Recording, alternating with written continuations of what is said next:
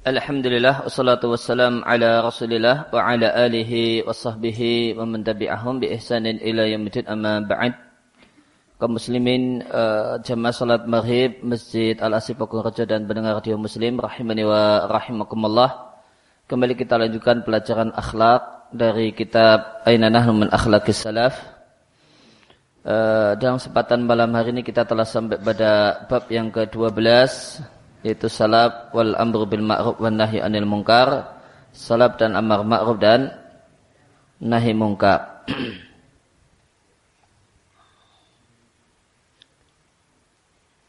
dari uh, Ubadah ibn al-Walid qal dia mengatakan atau dari anak pamannya Ubadah ibn Walid karena Ubadah ibn Samit ma'a Muawiyah adalah sahabat Nabi Abdullah uh, Ubadah ibn Samit bersama Muawiyah ibn Abi Sufyan radhiallahu anhuma. Fa'adzana yauman maka ya, pada suatu ketika pada satu hari dikumandangkanlah adan.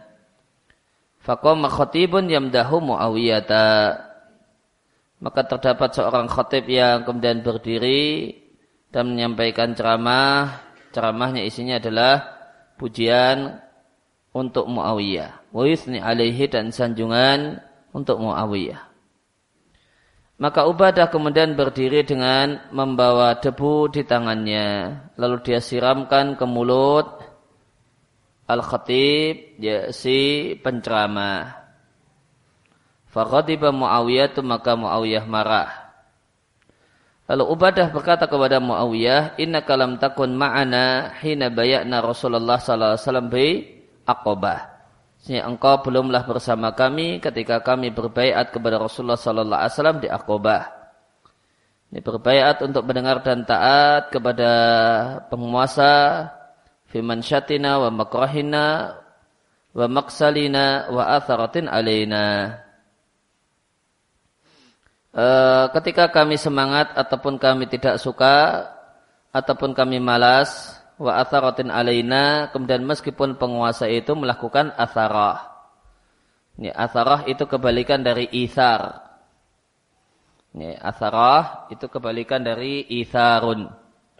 Ithar artinya mendahulukan orang lain daripada diri sendiri. Ini, kebalikannya namanya atharah Berarti atharah itu mendahulukan diri sendiri daripada orang lain. Maka penguasa itu boleh jadi ithar, boleh jadi penguasa yang saleh, penguasa yang baik, maka dia memiliki ithar. Sehingga maknanya adalah dia lebih mengutamakan rakyat daripada dirinya dan koroninya. Ya. Namun boleh jadi kebalikan kalau penguasa tersebut adalah penguasa yang jelek maka dia memiliki asara, melakukan asara, lebih mengutamakan dirinya, keselamatannya, kepentingannya dan keluarganya, kroninya, tim suksesnya daripada rakyatnya. Ini namanya asara. Maka eh, maka tetap mendengar dan taat ya, kata Nabi Shallallahu Alaihi Wasallam meskipun penguasa itu kondisinya adalah athara. Ya, lebih mengutamakan dirinya keluarganya dan kroni-kroninya daripada rakyatnya. Artinya rakyatnya madlum rakyatnya terdalimi. Perintah Nabi tetap mendengar dan taat dan tidak memberontak, tidak melakukan kudeta, penggulingan kekuasaan dan yang lainnya. Karena madaratnya bisa dipastikan jauh lebih besar daripada maslahat yang hendak diharapkan. Wa ala nunazi al amra ahlaha ahlahu dan kami tidaklah merebut perkara itu kekuasaan dari pemegangnya. Meskipun kondisinya penguasanya adalah penguasa yang atharah. Wa annakum bil haqqi haitsu kunna dan kami menegakkan dan menyampaikan kebenaran di mana saja kami berada. La nakhafu fillahi laim dan kami tidak takut karena Allah ketika taat kepada Allah kami tidak takut dengan celaan orang yang mencela. Itu di antara poin-poin bayat yang diambil Nabi pada sejumlah sahabat. Dan berkenaan dengan perbuatannya kemudian Ubadah ibn Samit berdalil Wakala Rasulullah sallallahu alaihi wasallam sedangkan Rasulullah sallallahu alaihi wasallam bersabda Idza ra'aitum al-maddahin fahthu fi afahim at-turaba. Jika kalian melihat ya, orang yang suka memuji-muji ya, maka tuangkalah di mulutnya at-turaba tanah. Ya, ini dari Syar Alim Nubala hadis tentang bayat dari Ubadah bin Samit diatkan oleh Al-Bukhari. Sedangkan hadis idza ra'aitumul maddahin diatkan oleh Muslim dengan redaksi yang semisal. Maka di sini kita jumpai pemahaman sahabat Nabi Ubadah ibn Samit bahasanya perintah menuangkan debu kepada orang yang suka memuji itu beliau pahami letterlek.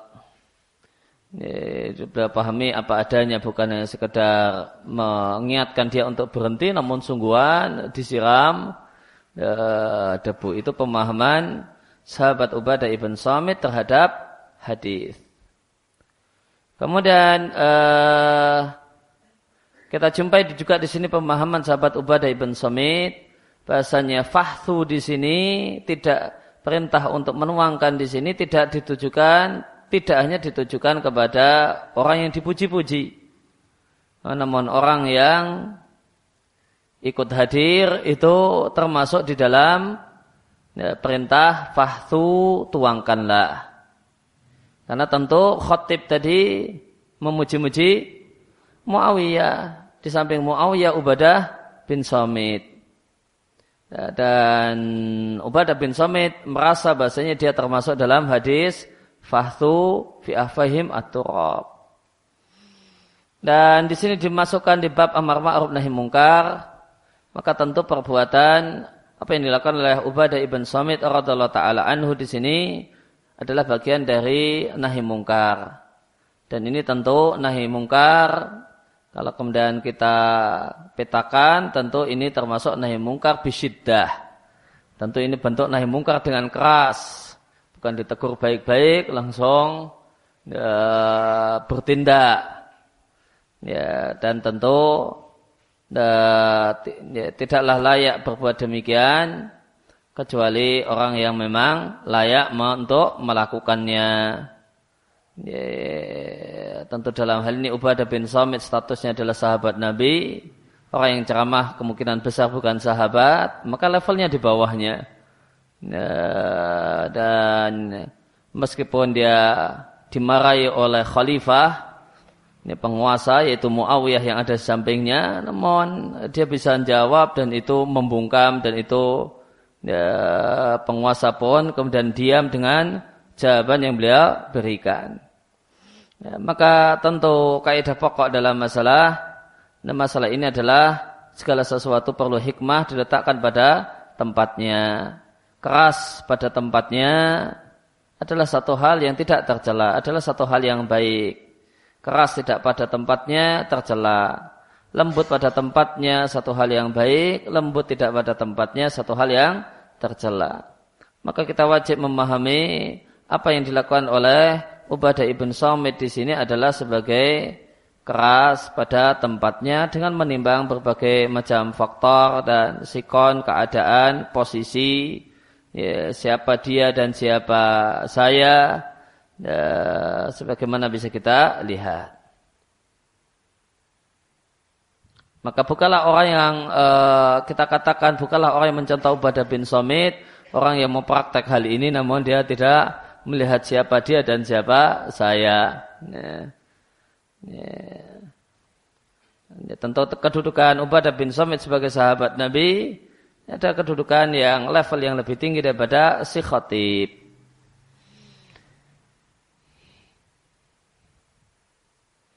Nah, kemudian dari Yunus ibn Abi Ishaq dari ayahnya dari Abdullah ibn Ma'kil Qal nazala ibnu Ummi Maktum adalah ibnu Ummi Maktum itu singgah atau dan dia adalah seorang yang buta, seorang laki-laki yang buta. Dia singgah dan bertempat uh, di Yahudiyah bil Madinah. Seorang wanita Yahudi di Madinah. Karena tarfukuhu. Dan wanita Yahudi ini bersikap baik dan lembut kepada Ibnu Ummi Maktum. Wa tu'dhihi fin Nabi sallallahu. Ya, si wanita Yahudi ini lembut dengan uh, dengan uh, dengan Ummi Maktum namun dia menyakiti Nabi sallallahu alaihi wasallam. Boleh jadi mencaci atau mencacinya mencaci Nabi atau yang lain, menghina Nabi atau yang lain. Maka mendengar ada orang yang menyakiti Nabi, maka Ibnu Maktum kemudian tanawalaha memegangnya, memegang perempuan tersebut, kemudian memukulnya dan membunuhnya.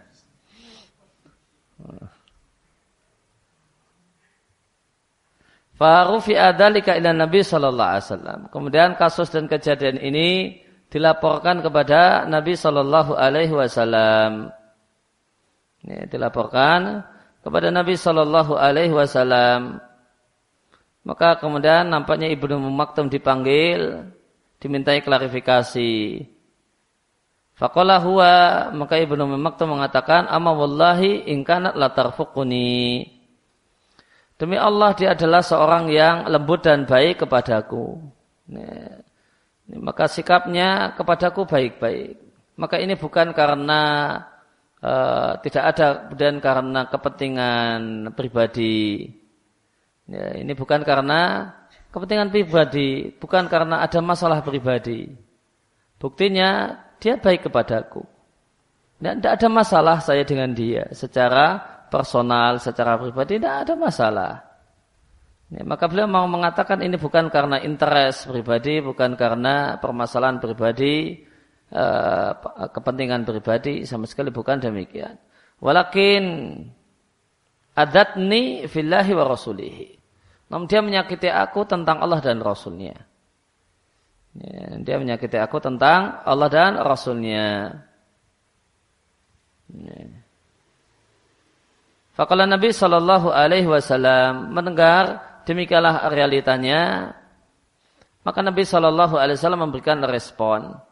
Dan perhatikan respon beliau tidak menyalahkan Ibnu Maktum. Ya, tidak menyalahkan Ibnu Maktum. Boleh jadi ada sebagian orang yang sok bijak. Nah, dalam kasus semacam ini boleh jadi dia akan menyalahkan uh, si pelaku. Non, bukan demikian bijak ala Nabi Shallallahu Alaihi Wasallam. Boleh jadi ada orang yang sok bijak dan mengatakan ya jangan main hakim sendiri. Ya Eh, dan perlu diproses uh, semestinya dan seterusnya.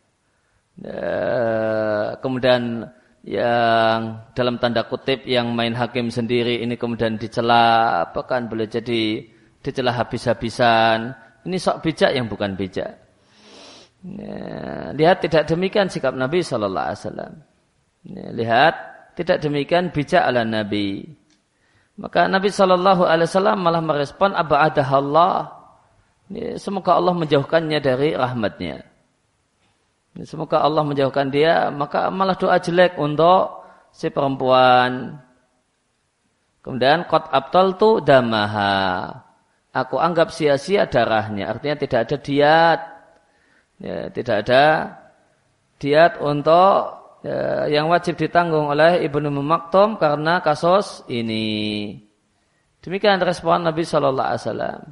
Ketika terbukti atau kemudian dianggap terbukti bahasanya dia adalah orang yang mencaci maki Allah dan Rasulnya dan ada orang yang main hakim sendiri dan memang realitanya itu demikian maka responnya ya, ya respon bijak ala Nabi adalah ya itu secara hukum tidak mengapa, tidak ada tidak ada kewajiban bayar diat.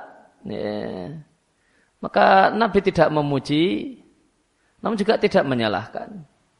Namun Nabi tidak memuji dan tidak menyalahkan. Tidak memberikan ya apresiasi pujian kepada Ibnu Maktum karena memang kemudian uh, ini ada tindakan main hakim sendiri ya yang di satu sisi adalah satu hal yang kurang pas.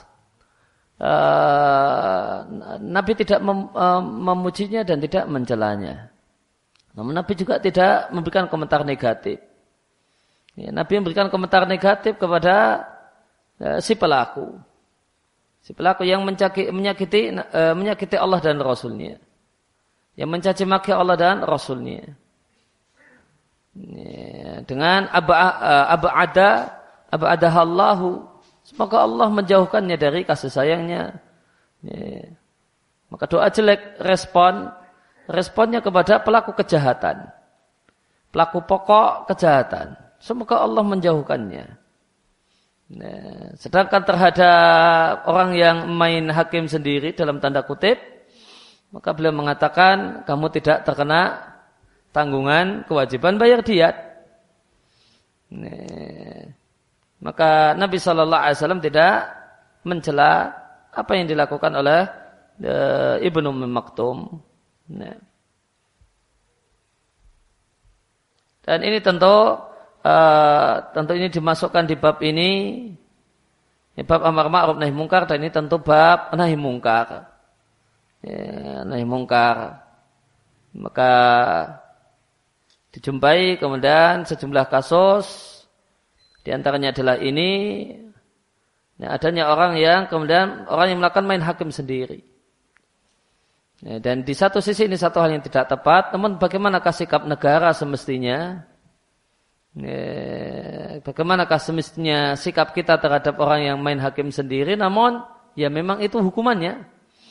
Nah, memang itu hukumannya. Orang yang mencaci maki hukumannya hukuman mati ya, kalau dia orang Yahudi ya maka dengan itu dia jadi ya, semula dhimmi jadi harbi ya, maka batal kemudian perjanjian dimahnya ya, maka batal perjanjian dimahnya jika dia muslim maka jadi murtad karenanya. Nah, dan itu hukumannya hukuman mati. Maka bagaimanakah sikap terhadap main hakim sendiri? Namun ya pas gitu lah. Ya, tapi kalau karena memang hukumannya hukuman mati, ya, terus kemudian ada yang melakukan namun itu tidak prosedural, bagaimana sikap yang tepat? Nah di sini kita jumpai sikap yang tepat, ya, sikap bijak yang Nabi ajarkan, Nabi sikap bijak yang Nabi contohkan. Ya yaitu ya, si pelaku main hakim itu sendi, main hakim sendiri itu jika memang demikian realitanya tidak disalahkan. Ya, tidak disalahkan.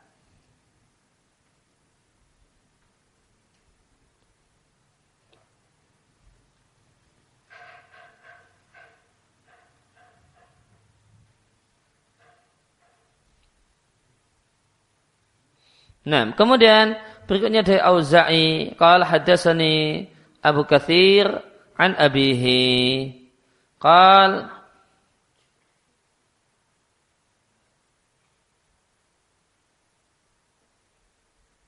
atau sebelumnya saya ingin baca catatan kaki tadi. Uh, dari Syar Alimin Nubala dan riwayat ini rijalnya thiqat. Diriatkan oleh Ibnu Sa'ad di Tobakat. Dan ini dikuatkan dengan hadis yang dilihatkan oleh Abu Dawud dari Ali radhiallahu anhu, ada seorang wanita Yahudi yang mencaci maki Nabi. Fih dan mencela Nabi. Fakhannaqaha rajulun. Maka ada seorang yang mencekiknya. Mencekiknya hatam matat. Sehingga wanita Yahudi tersebut mati. Di yang lain ada seorang yang ya orang yang buta yang serumah dengan wanita Yahudi ini yang kemudian mencekiknya. Jadi kalau di riwayat yang kita baca orang buta tersebut adalah Abdullah ibnu Umi Maktum. Fa'abtala Rasulullah sallallahu alaihi wasallam damaha. Maka Rasulullah sallallahu alaihi wasallam ya, menganggap sia-sia darahnya. Darah yang sia-sia artinya tidak bisa dituntut diatnya. Ya. Ya, kemudian ada dua hadis, ini diriat Abu Dawud ada dua hadis waqad sahah al-Albani athani dan al-Albani menilai sahih riwayat yang kedua. Sedangkan riwayat yang pertama Al-Albani berselisih uh, berselisih Al-Albani sendiri kemudian punya dua kaul. Beliau sahihkan sanadnya di Irwaul Ghalil dan dan daifkan di Daif Sunan Abi Dawud. Maka ada dua hadis yang kontennya sama di Abu Dawud. Kalau hadis yang kedua jelas disahihkan oleh Al-Albani. Hadis yang pertama, Al-Albani punya dua kaul uh, tentangnya. Kemudian dari Auza'i, kalau hadasani Abu Kathir, an abihi, kal ataitu Abu Dharin. Ini aku mendatangi Abu Dar, wa wajalisun ingdal jamratul wusta. Ketika itu, ketika itu Abu Dar duduk di dekat jamarat ya, yang busta, yang pertengahan. Berarti ini ya, ini suasana suasana haji. Ya, beliau duduk di dekat Jumratul Wusta. Fakat istama'a an-nasu dan banyak orang yang kumpul melihat beliau meminta fatwa kepada beliau. Maka datanglah seorang fawaqafa alaihi kemudian berdiri atas beliau. Nampaknya artinya beliau duduk dan orang ini berdiri. Fakal lalu orang tersebut mengatakan, Alam yanhaka Amirul Mukminin anil futya. Bukankah Amirul Mukminin melarangmu untuk memberikan fatwa? Farafa ra'sahu. Maka beliau mengangkat kepalanya. Ya, maka Abu Dhar kemudian mengangkat kepalanya kemudian mengatakan, Arakibun anta alayya, apakah engkau pengawasku? Apakah engkau adalah orang yang bertugas untuk mengawasi gerak-geriku? Maka beliau kemudian mengatakan, Lawadaktum somsomah. Somsomah di catatan kaki, pedang yang tidak bengkok. Ala hadihi, kalau letakkan di sini, dan beliau bersyarat dengan tangannya ke tengkuknya, ke leher ini. Thumma dhonantu kemudian aku punya sangkan kuat. Aku bisa mengucapkan satu kalimat. Anni unfidhu ya, kalimatan. Aku bisa menyampaikan, melontarkan satu kalimat yang aku dengar dari Rasulullah Sallallahu Alaihi Wasallam. Qabla antujizu alaiya. Sebelum leher, uh, sebelum pedangmu menebas leherku, la anfathuha niscaya akan aku sampaikan terlebih dahulu. Ini saya akan aku sampaikan terlebih dahulu sebelum aku mati. Ya, maka uh, wallahu taala a'lam di sini uh, tentang maka bagaimanakah semestinya yang dimaksudkan oleh ya, Amirul Mukminin karena yang mengeluarkan larangan berfatwa untuk Abu Dhar Ya, apakah apakah kemudian orang ini salah paham dan sebagainya? Ini tentu ada situasi seperti khusus yang tidak dijelaskan secara detail dalam riat ini. Ya, oleh karena itu yang jelas ya, kita jumpai di sini semangat Abu Dar untuk menyampaikan hadis Nabi Shallallahu Alaihi Wasallam dan beliau ya, punya semangat yang luar biasa dan beliau siap bertaruh nyawa Eh, demi meyakini menyampaikan sesuatu yang beliau yakini sebagai satu hal yang benar.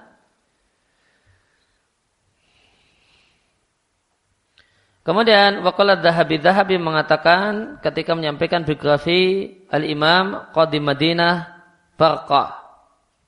Ya, ya, Qadi satu kota yang namanya Barqah. Si Qadi ini namanya Muhammad ibn Hubuli.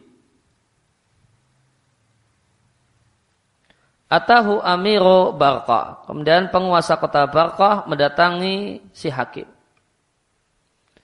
Fakal kemudian sang penguasa mengatakan Ghodan Aid. Esok pagi adalah hari raya. Dan nampaknya dia minta kemudian legalisasi dari kodi. Dia minta legalisasi dari kodi dia pingin besok hari raya. Ya, dan dia minta kodilah yang kemudian sang ulama yang statusnya jabatannya adalah qadi itu untuk melegalkan menjustifikasi dan membenarkan keinginan beliau. Kemudian supaya ketok palu, kemudian mengamini permintaan sang penguasa. Namun sang ulama qadi ini menolak dan tidak mau memenuhi permintaan si penguasa. Qal hatta naral hilalah. Saya akan umumkan uh, hari raya besok hari raya kalau sudah lihat hilal.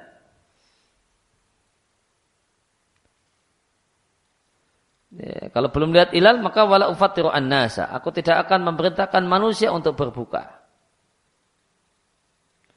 Ya, wala uftiru an-nasa. Aku tidak akan perintahkan manusia untuk berbuka sebelum waktunya. Wa ataqalladu ithmahum. Kemudian akulah yang menanggung dosanya.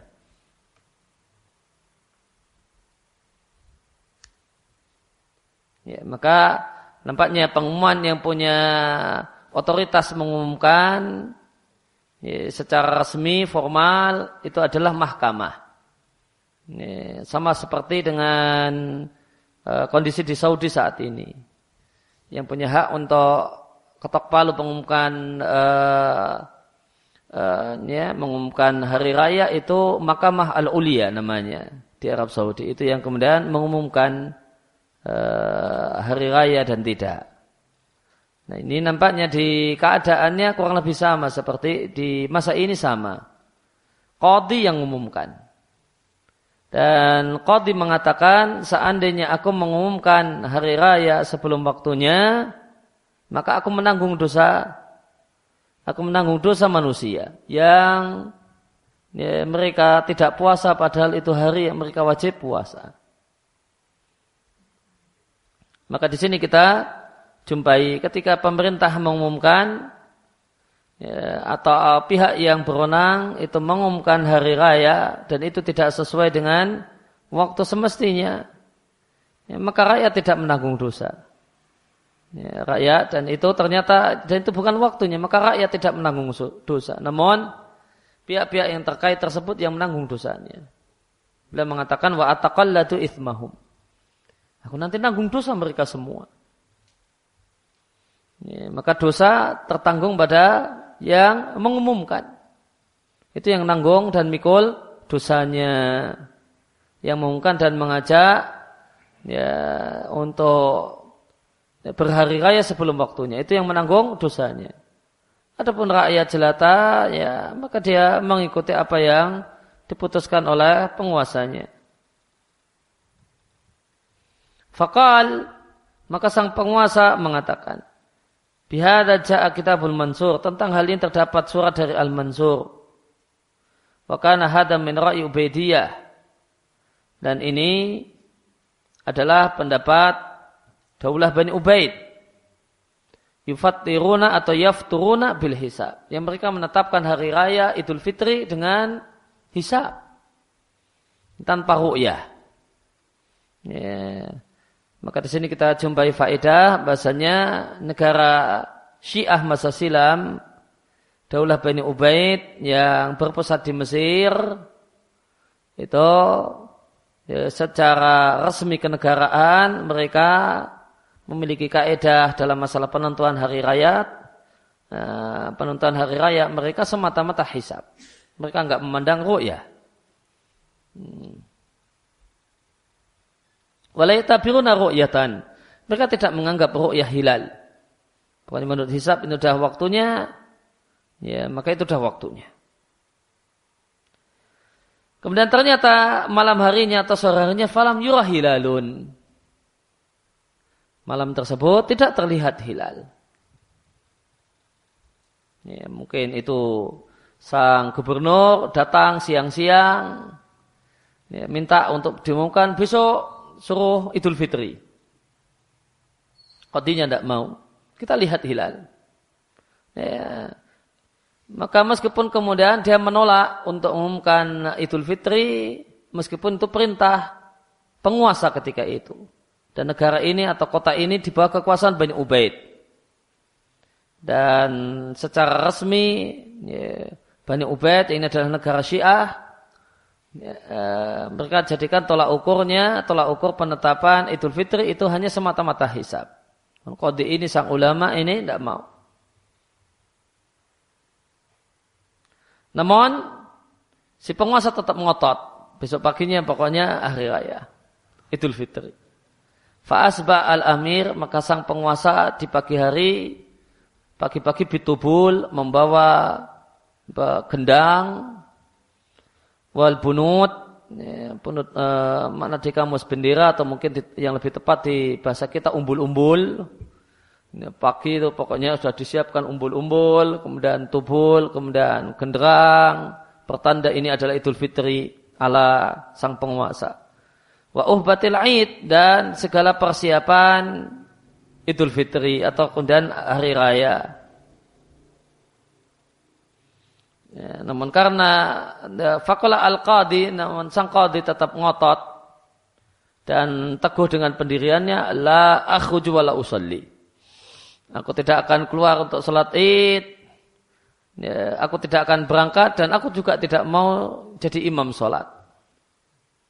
Qadi ini yang kemudian mengumumkan dan dia yang semestinya bertugas jadi imam salat id. Dia mengatakan saya tidak mau.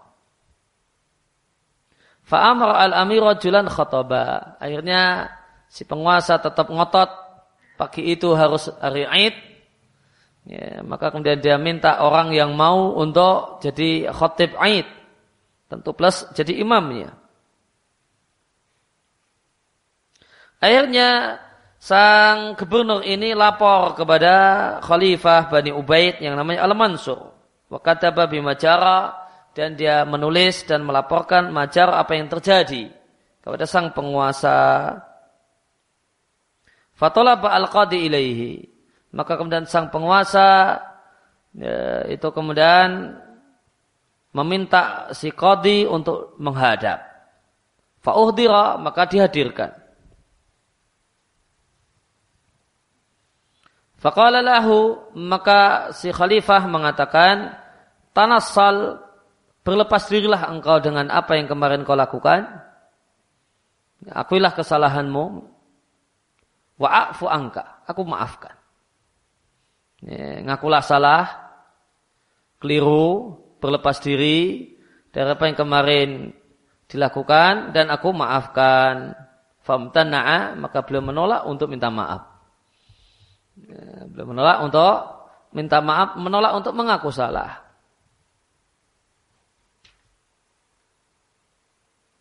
Famta uh, Fa'amara kemudian sang penguasa ini memerintahkan untuk menangkap si kodi. Menghukum si kodi. Akhirnya dia digantung, diterik sinar matahari, ilaan mata sampai mati. Bahkan istarhisu al-atsha falam yusqa. Dia minta air karena kehausan dan tidak diberi minum. Sampai akhirnya mati kehausan karena dijemur di sinar matahari. Thumma salabuhu ala khosyabah. Kemudian disalib di tiang salib, di kayu tiang salib. Komentar Ad-Dhahabi tentang perbuatan sang penguasa zalim ini, laknatullah ala zalimin. Ya, semoga laknat Allah atas orang-orang yang zalim, termasuk orang yang diceritakan di atas. Yang tentu jelas, nyata-nyata dia adalah orang yang zalim.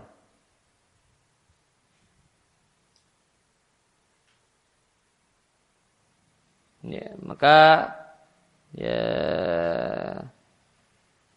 ya kita lihat bagaimanakah kegigihan sang kodi ini karena dia statusnya adalah penentu.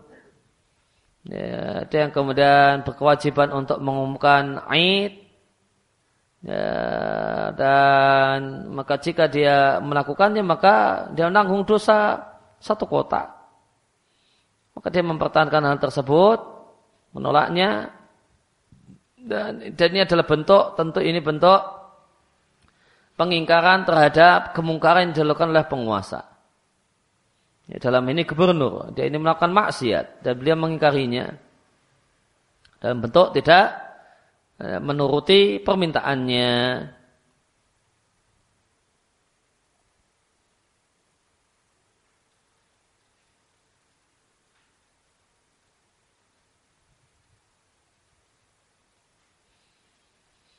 Nah, kemudian dari Al Hasan, Anaziyah dan Ba'asa Al Hakam ibn Amr ala Khurasan.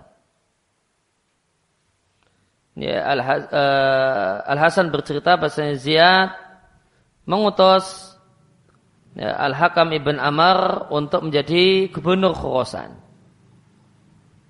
Fafatahallahu azza wa jalla alaihim maka Allah Subhanahu wa taala memberikan kemenangan pada mereka wa asabu amwalan azimah kemudian mereka mendapatkan harta dalam jumlah yang besar. Maka Ziyad kemudian berkirim surat kepada Al-Hakam. Amma ba'du fa inna amiral mu'minin bahasa amiral mu'minin yaitu khalifah telah menulis surat kepadaku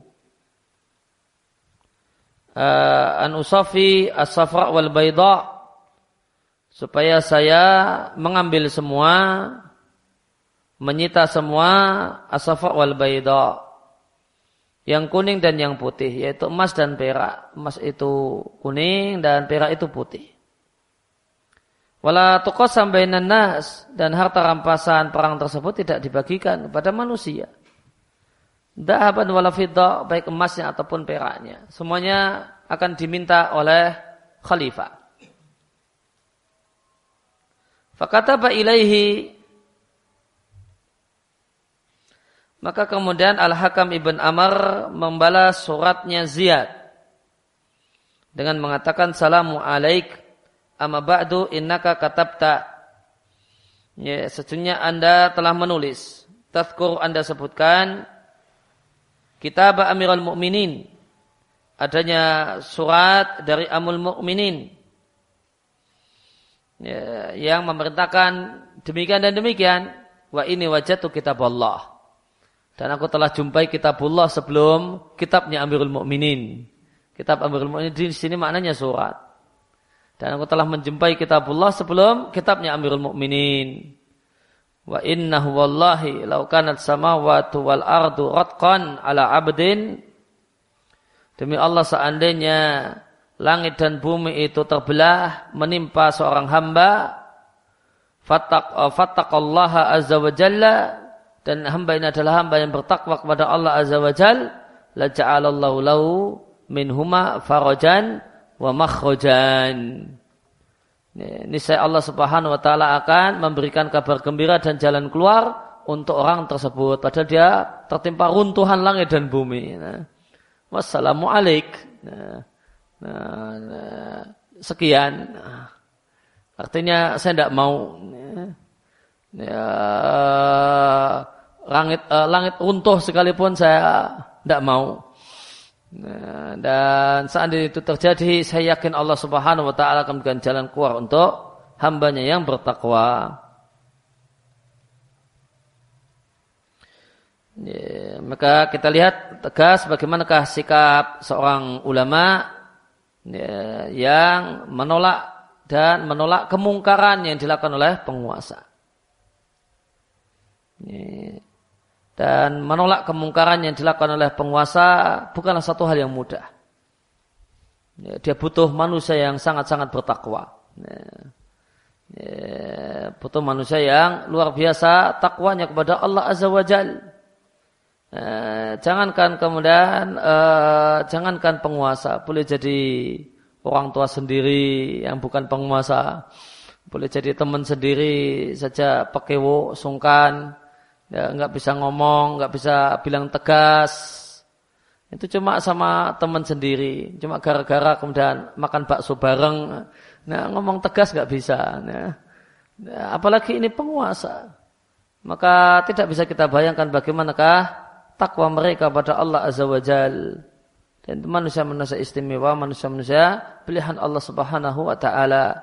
Dan tidaklah kemudian selamat dari uh, godaan kekuasaan ya, di antaranya adalah godaan dalam bentuk uh, tidak berani tegas terhadap penguasa ilaman rahimallah.